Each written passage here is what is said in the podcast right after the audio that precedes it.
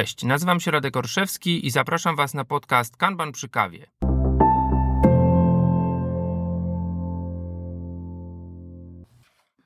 Witam Was w 20 już odcinku podcastu Kanban przy kawie. O czym będzie dzisiaj? Hmm. Po pierwsze, po dłuższej przerwie, yy, po przerwie spowodowanej i wakacjami, i nowym rokiem szkolnym, i odrobiną pracy, yy, nagrywam to z chrypką. Z chrypką, dlatego że ostatnich parę dni yy, mocno pracowałem głosem na fizycznej sali szkoleniowej. To była niesamowita okazja, niesamowita przyjemność spotkania grupy która chciała się nauczyć kanbanu na żywo. E, także bez obaw, e, żadnych objawów COVID-19 na razie nie ma. Miejmy nadzieję, że i u Was, i u mnie tak pozostanie. Natomiast sporo zmian, sporo zmian, o których zaraz opowiem, pewnych nowości. Natomiast dziś tematem będzie Lean. Lean, czyli zarządzanie szczupłe, jak się mówi po polsku, a więc e, coś, co rzeczywiście wywodzi się e, no, z Japonii, z e, Toyoty, z tych wszystkich rzeczy, którymi często się inspirujemy. Mm, ale Lean bardzo często również, podobnie jak i sam Kanban, podobnie jak i cała zwinność, bywa często nierozumiany to powoduje, że czasami zabieramy się do tego nie z tej strony, co trzeba, zabieramy się do tego nie tymi narzędziami, co trzeba. E, management, decydenci w organizacjach nie do końca rozumieją, jak ten lean stosować e, do pracy intelektualnej, pracy zmiennej, a jak stosować do pracy wytwórczej, do pracy powtarzalnej, e, może też powtarzalnej biurowo, to nie mówimy tylko i wyłącznie o procesie wytwarzania dóbr fizycznych. No, z tego odcinka dowiecie się innymi, dlaczego przed kilkunastoma miesiącami organizacja stojąca za Kanbanem, a więc e, teraz Kanban University postanowiło zmienić nazwę i zmieniło tę nazwę z Lean Kanban University właśnie na Kanban University odcięło sobie ten, ten, ten, tą, tą część Lean. E, dlaczego? No i porozmawiamy też, powiedziałbym o tym, co e, zawarte jest gdzieś w tytule czy podtytule odcinka, a więc o Lean Software Development, koncepcji, która już od kilku dobrych dekad powiedziałbym, funkcjonuje niestety cały czas na obrzeżach zwinności. Koncepcję, którą wprowadzili, stworzyli e, Mary i Tom Popendikowie. Niesamowici ludzie, jeśli mieliście okazję ich e, kiedykolwiek zobaczyć czy spotkać. E, do tego mm, gorąco zapraszam, chociaż obejrzeć jakieś wystąpienie. No właśnie, to wszystko w dzisiejszym odcinku. Zapraszam.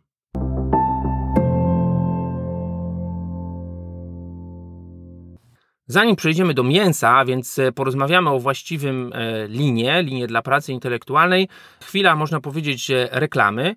W czasie, kiedy no, nie powstawał e, ten odcinek podcastu, działo się no, dużo różnych innych ciekawych rzeczy. Powstawały gadżety, powstawała nowa wersja naklejek podcastowych, które część z Was może widziała na mediach społecznościowych.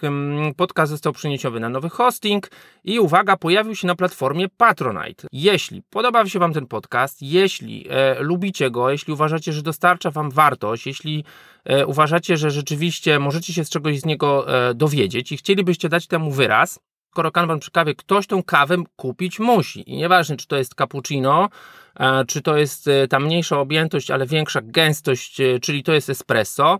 Pewnie znacie platformę Patronite. Jest to platforma, na której możecie zostać właśnie patronami jakiegoś przedsięwzięcia, zwykle medialnego czy, czy jakiejś inicjatywy. Pod adresem patronite.pl ukośnik kanban znajdziecie podcast Kanban przy kawie. Tam możecie zostać patronami, patronkami tej inicjatywy. Możecie, mówiąc wprost, wirtualnie postawić autorowi tą przysłowiową kawę mm, lub dwie dostaniecie w zamian za to podziękowania, zostaniecie umieszczeni oficjalnie na stronie e, patronów tego podcastu, e, dostaniecie, no, w zależności od tego, na co się zdecydujecie, naklejki, dedykowane e, podziękowania. Możecie też stać się autorem, autorką tematu do podcastu, a więc jeśli gdzieś tam w głowie krąży Wam jakieś pytanie, jakiś temat, to być może jest to, jest to droga do tego, żeby się zmotywować, żeby to pytanie zadać e, i żeby na pewno na to pytanie wyczerpującą odpowiedź e, dostać. Tak więc e, raz jeszcze wszystkich fanów, fanki podcastu zapraszam patronite.pl ukośnik kanban. A tymczasem mięso. Kanban jest lean, ale...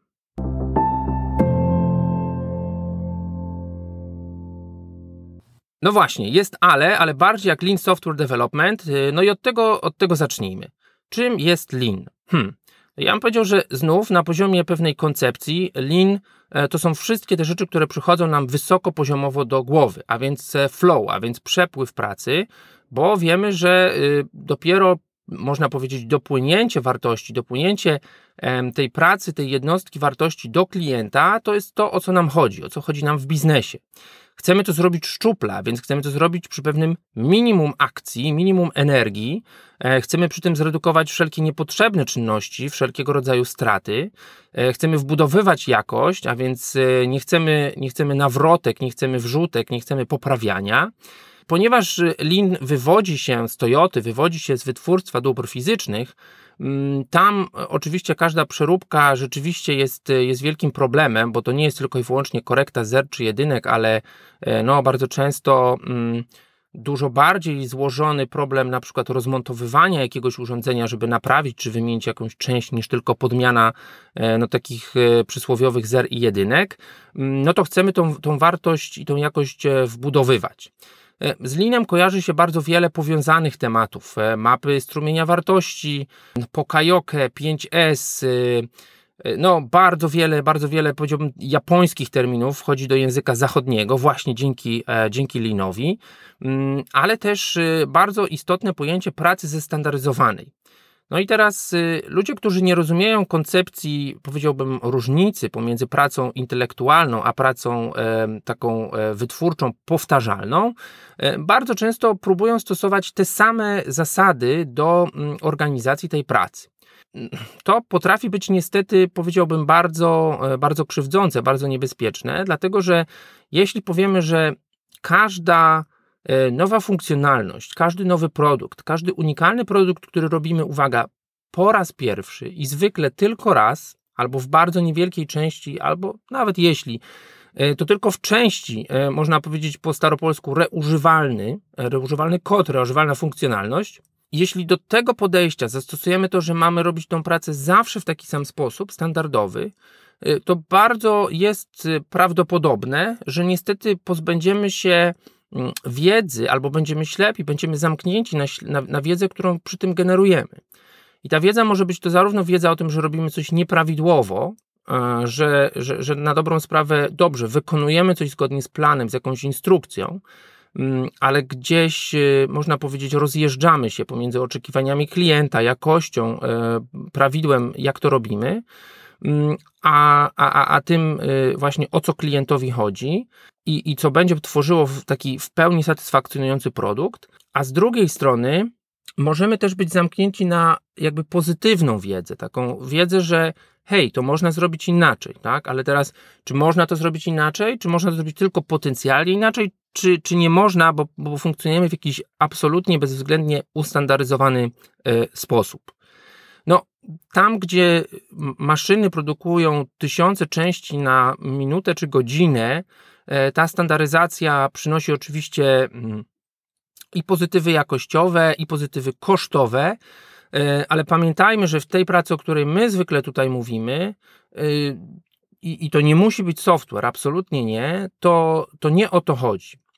I tutaj y, można powiedzieć, y, przez lata organizacja stojąca za, za mm, metodą Kanban y, nosiła nazwę Lean Kanban University bo rzeczywiście z tej szczupłości, z, tego, z tej orientacji na flow dużo czerpała. Mm, o tyle, no jakiś czas temu zdecydowała się odrzucić ten, e, ten człon Lean i, i, i pozostać przy nazwie, czy stworzyć nazwę Kanban University, e, dlatego że bardzo często rozumiano, że, że będziemy uczyć wszystkich tych rzeczy, które się z Leanem kojarzą, czerpiemy z linu i, i na pewno właśnie w takim ujęciu, o którym zaraz będziemy głębiej mówić, jesteśmy lin, no chcemy, chcemy zaznaczyć pewną różnicę, że nie jesteśmy tym E, co, co wiele osób e, rozumie jako mm, Lean i co wiele osób też rozumie jako Kanban funkcjonujący w tej domenie właśnie linu wytwórczego, a więc i ten Kanban towarzyszący jednostkom pracy płynącym, i ten Kanban sygnalizacyjny,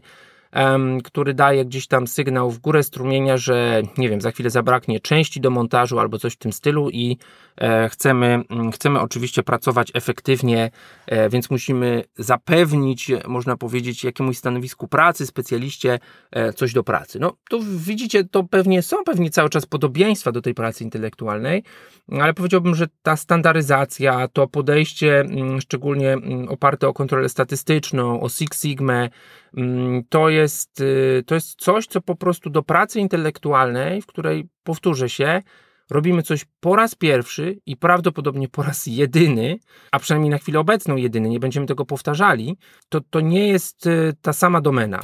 To nie jest ta sama y, rzeczywistość i wymaga od nas troszkę innego podejścia.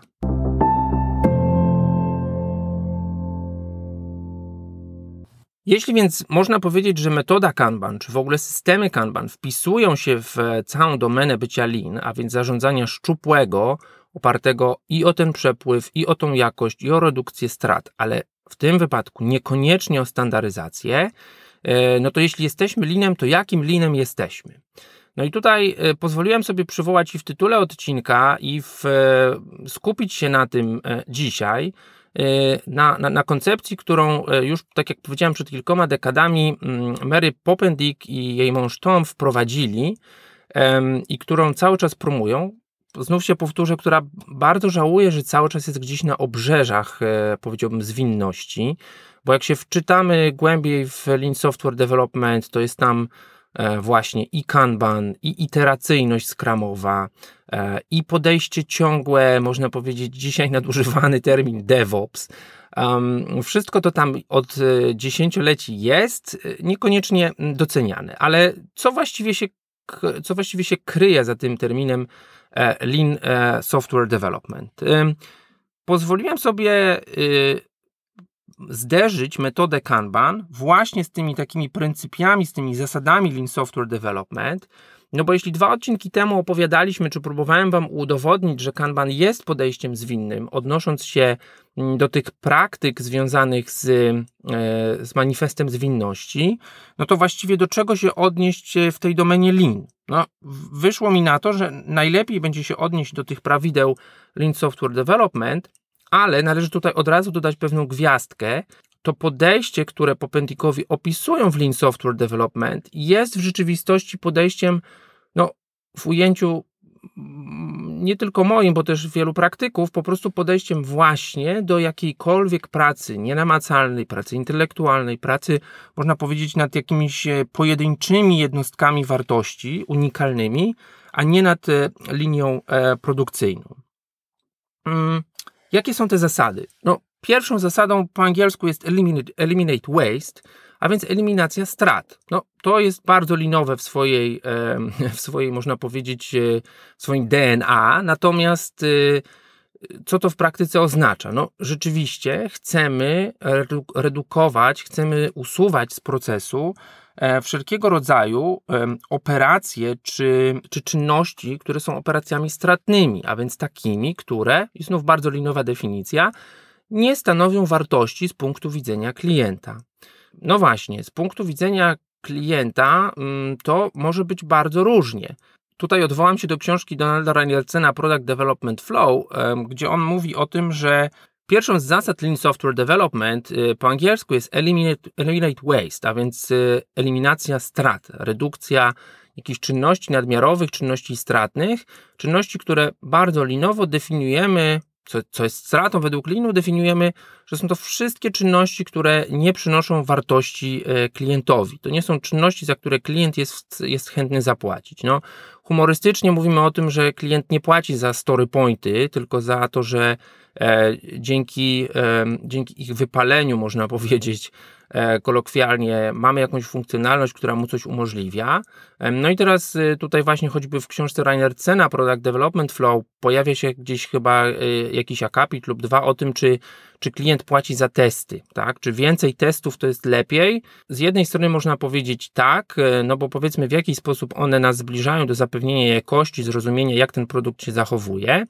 E, z drugiej strony za duża liczba testów to jest koszt, to nie jest E, to nie jest coś, za co on e, będzie płacił, ale to wszystko zależy od domeny. Tak? Jeżeli mówimy o produkcie, który musi wejść na bardzo określony rynek, na przykład, nie wiem, rynek farmaceutyczny, to tam musimy oczywiście przeprowadzić pewną określoną liczbę testów, żeby w ogóle ten produkt mógł sprzeda móc sprzedawać. No i tutaj klient y, absolutnie nie jest zwykle chętny do tego, żeby z tych testów rezygnować, no bo produkt nawet skończony, ale nie przetestowany, czy, czy taki, który nie udowadnia swojej jakości, zgodności e, poprzez te testy, no nie jest produktem, na którym możemy zacząć zarabiać.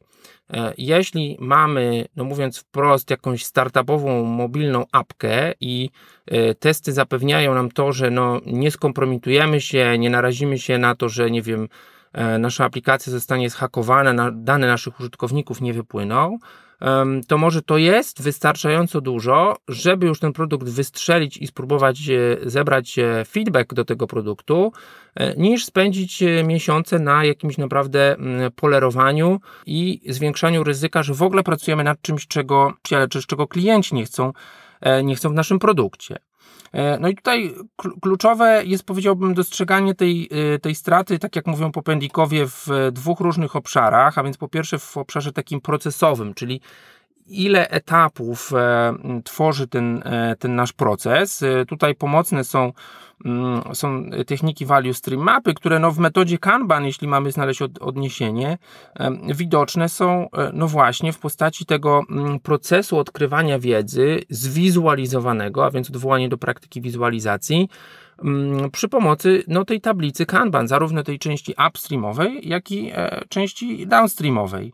E, musimy się nauczyć no, olbrzymiej ilości mm, dostrzegania olbrzymiej ilości strat, zarówno tych strat oczywistych, które na przykład wynikają właśnie z analizy takich metryk jak lead time, a więc czas realizacji, czy efektywność przepływu, a więc gdzie ta praca się kolejkuje, gdzie ona tam sobie czeka, ale popędikowie mówią wprost również sam, sam, same długie kolejki, a więc zbyt duża liczba elementów, które z wyprzedzeniem tworzymy, Mm, wszelkiego rodzaju niepotrzebne, można powiedzieć, ruchy, ruch, również można powiedzieć ręczne przenoszenie informacji. Tutaj nam pomaga cała automatyzacja, całe podejście CI/CD. Mm, no, niepotrzebne funkcje, y, czy, czy chociażby coś, co popędnikowie nazywają task switchingiem, a więc prze, przełączaniem się pomiędzy konkretnymi zadaniami. E, no i tutaj pewnie ci z Was, którzy już y, Kanban kojarzą, może praktykują, wiedzą, no, ograniczenie pracy w toku, ograniczenie tego, nad czym w danej chwili się skupiamy. Ta praca częściowo zrobiona, a więc ta praca, y, praca work in progress, praca w toku, no to jest można powiedzieć pewnego rodzaju koszt dla organizacji i dla naszych umysłów, dla naszego skupienia, mm, natomiast nie jest to wartość. No, począwszy od skramowych sprintów, gdzie mamy wszystkie historyjki almost done, po e, tablice Kanban, które nie są systemem Kanban, bo nie mają WIP limitu, e, no i mamy dużo kolumn i mamy fajnie zmapowany ten proces, ale niestety w tym procesie bardzo wiele rzeczy po prostu e, zalega i, i staje się tym kosztem. Więc jakby Kanban przez swoje praktyki, wymieniłem tutaj oczywiście tylko dwie pierwsze, wizualizację, wizualizację i ograniczenie pracy w toku, no można powiedzieć wpisuje się w ten nurt wyszczuplenia tego procesu o rzeczy po prostu niepotrzebne, o, o dojrzenie dojrzenie, dostrzeżenie tych rzeczy, które są stratą. Co dalej?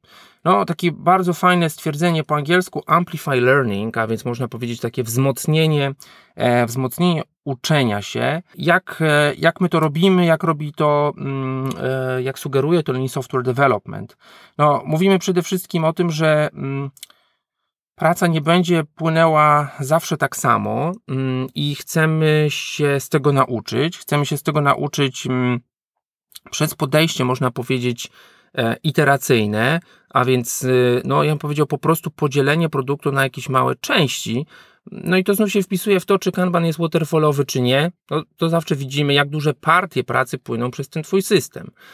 Jeżeli, e, jeżeli widzisz, że rzeczywiście te rzeczy się kolejkują i są zrzucane gdzieś, można powiedzieć, na produkcję w olbrzymich rzadkich i olbrzymich baczach, no to też nie jest linowe, bo, bo raczej Akurat w tym, w tym ujęciu Lean będzie za tym, żeby e, podchodzić do tego e, właśnie częstymi releasami, częstym dostarczaniem e, nawet pojedynczych jednostek wartości, żeby się z nich uczyć.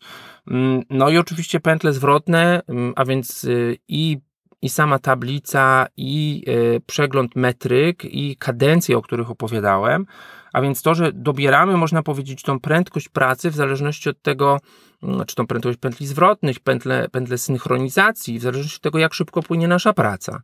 No, dosłownie na tym kursie y, KMP One, który prowadziłem w ubiegłym tygodniu, padło pytanie, no jak często dobierać te kadencje? No, pierwszą, pierwszym pytaniem jest, jak dużo, jak szybko produkujemy, tak? Jeżeli nasze zadania trwają, nie wiem, godziny, bo jesteśmy naprawdę zespołem maintenance'owym, no to najprawdopodobniej produkujemy ich całkiem dużo w ciągu tygodnia czy dwóch i, i na pewno, a może nawet i mniejszej liczby dni i powinniśmy patrzeć na to, jak ta praca płynie w takiej perspektywie czasowej. Jeżeli mm, dla odmiany nasza praca no, ma przynajmniej obecnie, bo może chcemy to w przyszłości zmienić, mm, jakąś perspektywę długoterminową, y, taką, no nie wiem, tygodni pracy nad czymś, no to oczywiście mm, musimy patrzeć i operacyjnie, a więc w czasie tych daily, no ale w takim ujęciu, ile czego dostarczyliśmy w jednostce y, czasu, no to mówimy o tej jednostce czasu raczej dłuższej. E, I chcemy, chcemy się uczyć cały czas tego procesu. Ja tu odwołam Was do tego odcinka, w którym e, rozmawialiśmy e, z Endym Carmichaelem o soczewkach Kanbanu, a więc Kanban Lens, że właśnie Kanban i tablica są pewnym procesem odkrywania i generowania informacji. Z tej informacji możemy się nauczyć. Możemy się nauczyć z niej w tej iteracji dziennej, a więc y, jak tam nam ta praca przepłynęła dzień po dniu, co się zdarzyło inaczej niż sobie założyliśmy w czasie daily. No, ale też w dłuższej perspektywie e, właśnie jakichś e, konkretnych cykli, e, czy są to skremowe sprinty, czy są to jakieś releasy, czy są to po prostu ustalone pewne, pewne przepływy, pewne przedziały czasu. Co dalej? Idąc, idąc śladem LSD, fajny skrót, y, Lean Software Development, e, dochodzimy do mm, pojęcia podejmowania decyzji tak późno, jak to możliwe, a więc e, czegoś, co w Kanbanie nazywamy deferred commitment, odroczonym zobowiązaniem. To naprawdę takich przykładów jest bardzo, bardzo wiele. Zastanówmy się, jak wiele spotkań, jak wiele mm, decyzji podejmujemy dotyczących rzeczy, które wydarzą się za tydzień czy dwa. Na przykład y, zaplanowania sobie w ramach sprintu skramowego hmm, no, tu może niektórzy powiedzą, że to jest y, nieskramowe, ale ja powiem, taka po prostu jest rzeczywistość.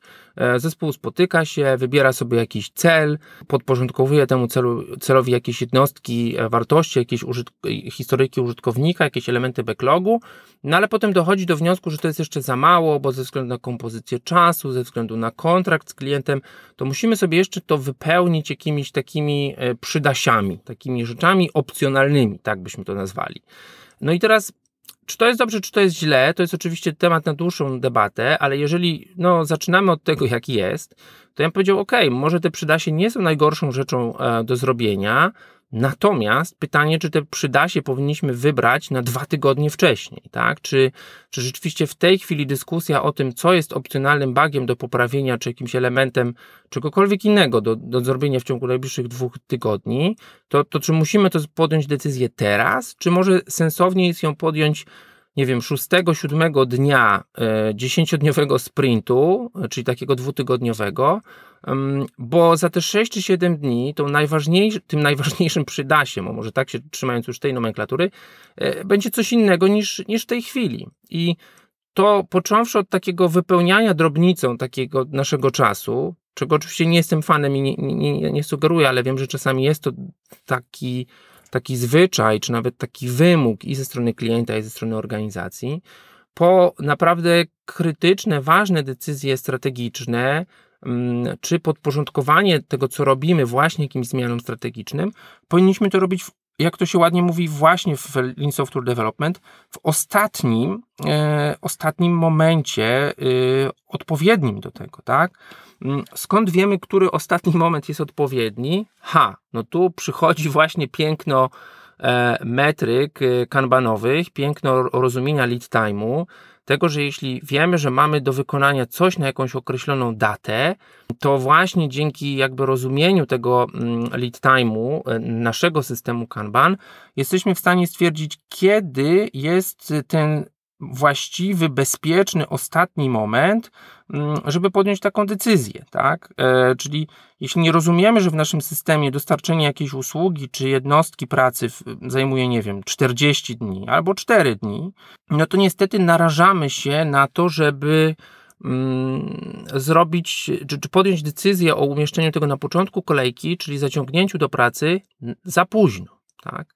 No i wtedy jest oczywiście stres, wtedy jest oczywiście jakaś eskalacja, wtedy jest podniesienie e, jakiejś klasy usługi, nazwanie tego jakimś expedite'em, tak? Wszystkie te m, mm, rzeczy, które powodują stres, które spowodują spowolnienie i zaburzenie przepływu pozostałych rzeczy. No i tak jak mówi japońska mądrość, myśl długo, działaj szybko, nie wszyscy rozumieją to niestety jako podejście zwinne, ale tak być powinno. No to skoro z jednej strony sobie mówimy myśl długo, a więc no tutaj można to przełożyć, że podejmujemy tą decyzję o tym, co robimy w tym odpowiednim, ostatnim momencie, mm, to kiedy tą decyzję już podejmujemy, no to cała naprzód. A więc dostarczamy tak szybko, jak to możliwe. Znów, nie kompromitując jakości, nie robiąc niepotrzebnych rzeczy, one by się pewnie przy, przełożyły na to, że robimy coś dłużej to jest to, co często w metodzie Kanban tłumaczymy, że spadnięcie pewnej rzeczy z tablicy upstreamowej, czy, czy to, że rzeczy na tablicy upstreamowej przechodzą trochę wolniej, to nie jest problem. E, dużo bardziej szkodliwe i kosztowo, i frustracyjnie, można powiedzieć, dla organizacji jest to, jeżeli te rzeczy trafiają na downstream, a więc na tą część delivery, ale tam niestety, brzydko mówiąc, gniją, albo spadają stamtąd, bo tą decyzję podjęliśmy albo za szybko, albo w oparciu o złe dane. Mm, no jakby tracimy tą zdolność dostarczania e, tych, tych rzeczy. A więc e, dostarczamy szybko. Dlaczego chcemy dostarczać szybko? No chcemy dostarczać szybko, ponieważ chcemy się, i tutaj uwaga, znów jakby można powiedzieć nawiązanie do tego Amplify Learning, chcemy się jak najszybciej dowiedzieć, czy to, co wydaje nam się, że powinniśmy zrobić, to co, co do czego właśnie podjęliśmy decyzję, rzeczywiście zadowala klienta, a więc e, chcemy jak najszybciej to mm, dostarczyć, chcemy jak najszybciej e, zrozumieć, czy, mm, e, czy sam koncept jest dobry, czy chcemy więcej tego robić, czy chcemy tą funkcjonalność rozwijać. No, tutaj można powiedzieć, cała jakby cała koncepcja właśnie ograniczenia pracy w toku, pewnych jasnych zasad, a więc tego, że mm, robimy te rzeczy, które ustaliliśmy, że są potrzebne. Uderza tutaj też pewnie wspominana przez popendików i wspominana na szkoleniach kanbanowych e, teoria ograniczeń, e, no, że chcemy, mm, chcemy zoptymalizować ten przepływ e, przez ten downstream, żeby jak najszybciej dostarczyć właśnie tą pojedynczą jednostkę wartości dla klienta oraz y, nauczyć się z tego, nauczyć się z tego, jak to, jak to rezonuje z klientem, mówiąc tak ład, ładnie. Co dalej? Idziemy przez prawidła Lean Software Development, zastanawiamy się, jak ma się to do, do Kanbanu. Zasada piąta, empower the team, a więc można powiedzieć umocowanie zespołu.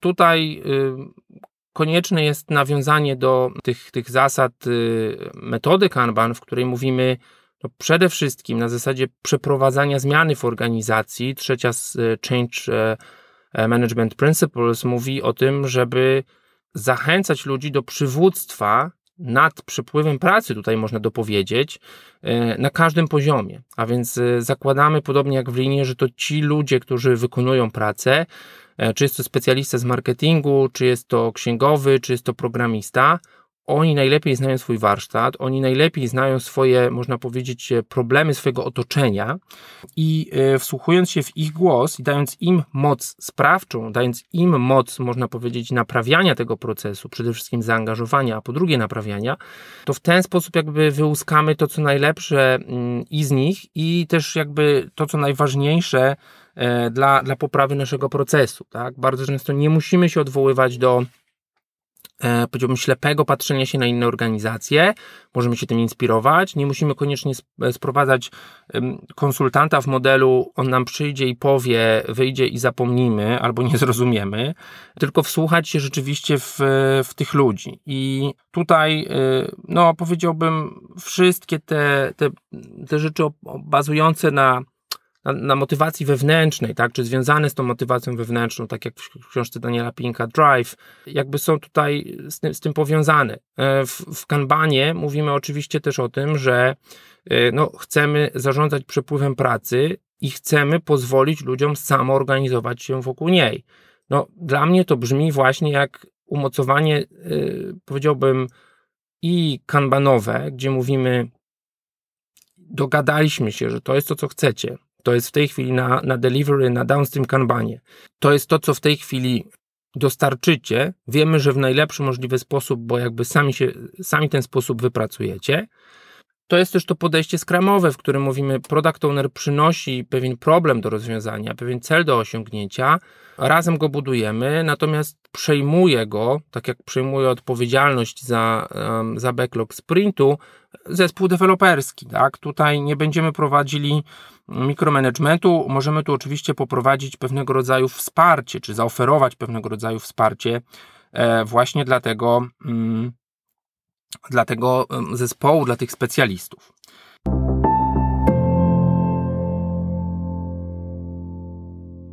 Idąc dalej przez e, prawidła Lean Software Development, a więc można powiedzieć tej odmiany Leanu, która no, wbrew tej nazwie pasuje nie tylko i wyłącznie do software'u, ale w ogóle do tej pracy nienamacalnej, pracy intelektualnej, mamy takie mm, stwierdzenie, które po angielsku brzmi built-in integrity, czasami też stosuje się mm, nawiązanie, że built-in quality, a więc pewne wbudowywanie E, integralności, bardziej trzeba byłoby powiedzieć e, pewnej spójności. e, w cały, w cały produkt.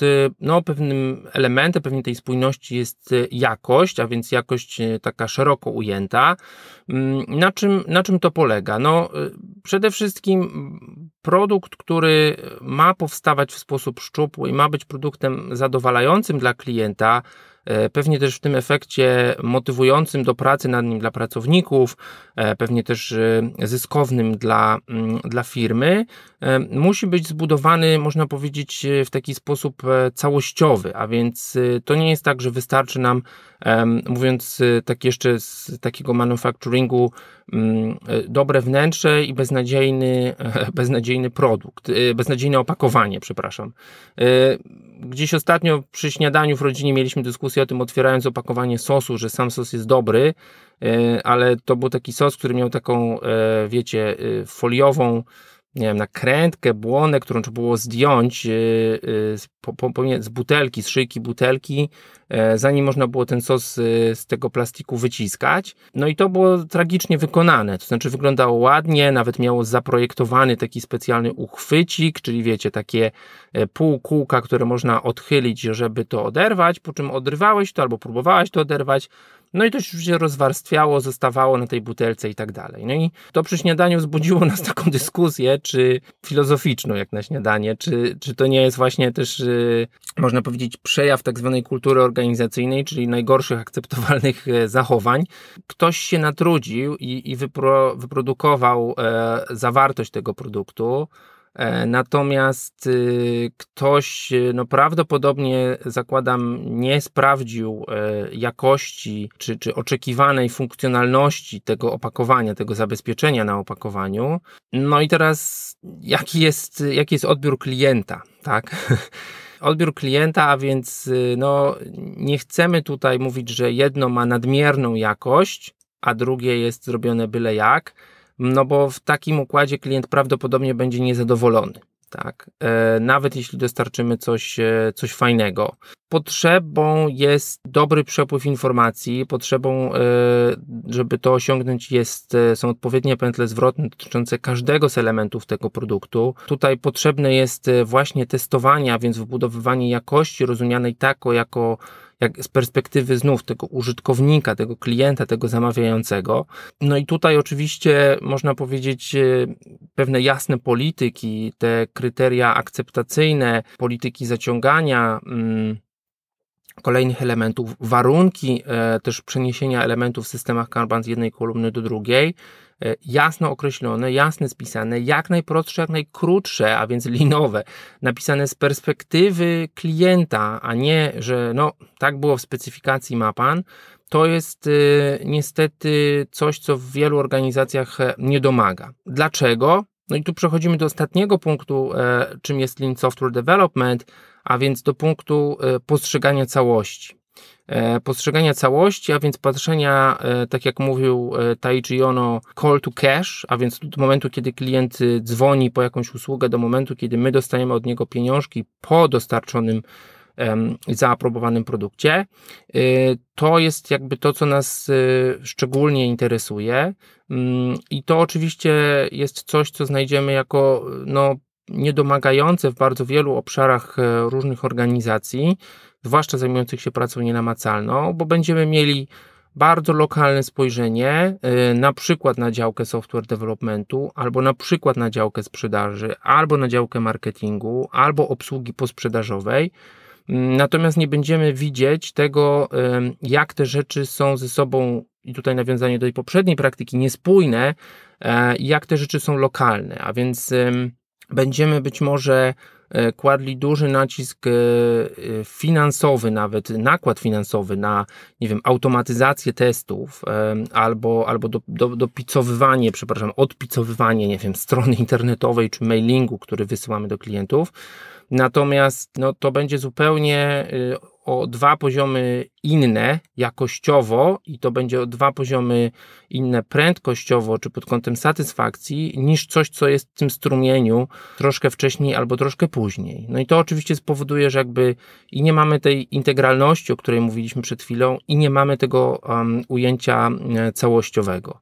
No znów e, przypomina się teoria ograniczeń, a więc jakieś wąskie gardła, które mogą być też wąskimi gardłami tutaj w takim ujęciu jakościowymi, no i oczywiście to, że y, no właśnie, sam produkt w środku, do którego nie możemy się dostać bez frustracji, rozdzierania e, jakiejś tam folii pod, y, pod nakrętką, to nie jest to, co klienta ostatecznie zadowoli. Myślę, że tutaj no, jedną z takich bardzo linowych firm na świecie na pewno jest Amazon, który dostarcza często opakowania w e, takich e, prostych kartonowych kopertach czy pudełeczkach. Teraz nie jak dokładnie e, ten napis mówi, ale to chyba jest jakiś tam frustration free packaging, tak? Czyli opakowanie wolne od frustracji.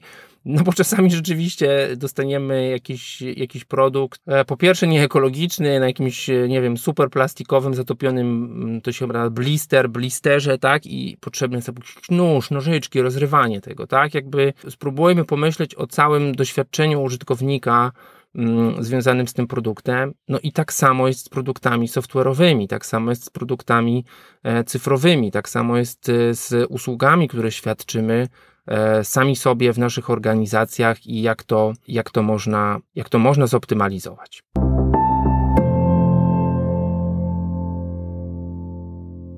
No właśnie, więc jak to jest z tym linem? Podsumowując, metoda Kanban i systemy Kanban są czymś, co są, a, można powiedzieć, e, wywodzącym się, a tym samym absolutnie spójnym, kompatybilnym z pojęciem zarządzania szczupłego, a więc zarządzania lin skupionego na A, przepływie pracy, B, zapewnieniu jakości i orientacji na wartość e, e, tego klienta. Ponieważ to, o czym mówimy w tym podcaście, to na czym skupia się metoda Kanban, systemy Kanban mogą mieć zastosowanie w wytwórstwie, mają zastosowanie w wytwórstwie, a więc praca intelektualna, e, praca nienamacalna, praca kreatywna, powiem raz jeszcze, robiona bardzo często jeden, jedyny i pierwszy raz, pewnych elementów, pewnych elementów linu e, produkcyjnego nie używają i używać nie powinny. Więc e, jeśli ktoś kiedyś przyjdzie do Was, do Waszej organizacji, albo Wy będziecie chcieli w swojej organizacji e, usprawnić pracę i gdzieś w rozmowie pojawi się termin Lean, to pamiętajcie, że Kanban, jako metoda Kanban, tak, jest linowa, ale pamiętajmy, żeby przestrzec się przed tymi pułapkami szukania narzędzi no, związanych chociażby właśnie z wytwórstwem, albo, bo też to należy powiedzieć, organizacją linową takiej powtarzalnej pracy biurowej. E, bardzo często, kiedy ja mówię o tym, że też Lean i Kanban wpisują się w organizację takiej pracy biurowej, e, to pojawiają się ludzie, którzy mówią o organizacji pracy w takich centrach jak, e, wiecie, BPO a więc centrach usług wspólnych, gdzie obsługuje się jakieś faktury, czy, czy, czy jakieś takie usługi dla na przykład dużych firm, albo wewnątrz swojej firmy, albo dla innych firm na całym świecie. Tyle, że tam, mimo że mamy do czynienia z pracą biurową, to bardzo często jest to właśnie taka praca, którą chcemy zestandaryzować, którą powinniśmy zestandaryzować, bo jest to praca mm, bardzo powtarzalna. E, więc y, za każdym razem, kiedy ktoś powie, hej, zróbmy coś linowo, to y, miejcie z tyłu głowy o tym, że to naprawdę znaczy troszkę różne, a na pewnych etapach bardzo różne narzędzia, y, troszkę różne koncepcje, bardzo różne narzędzia, jeżeli chodzi o mm, zarządzanie tą pracą y, powtarzalną, fizyczną oraz tą pracą intelektualną, pracą twórczą.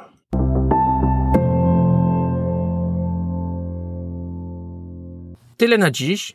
Przygotowaniu kolejne odcinki, w przygotowaniu jakieś różne nowe pomysły związane z podcastem. Przypominam, że od 20 odcinka, z premierą 20 odcinka Kanban przy kawie startuje na platformie Patronite, a więc jeśli chcecie, żeby wasze imię, nazwisko, pseudonim znalazły się na liście patronów tego podcastu, jeśli chcecie dostać naklejki, osobiste podziękowanie, jeśli chcecie ostatecznie zaproponować temat odcinka, może nawet nim wystąpić, to zapraszam na patronite.pl ukośnik kanban. Tymczasem tak, niech flow będzie z Wami i do usłyszenia już za kilkanaście dni. Pozdrawiam, mówił Radek Orszewski.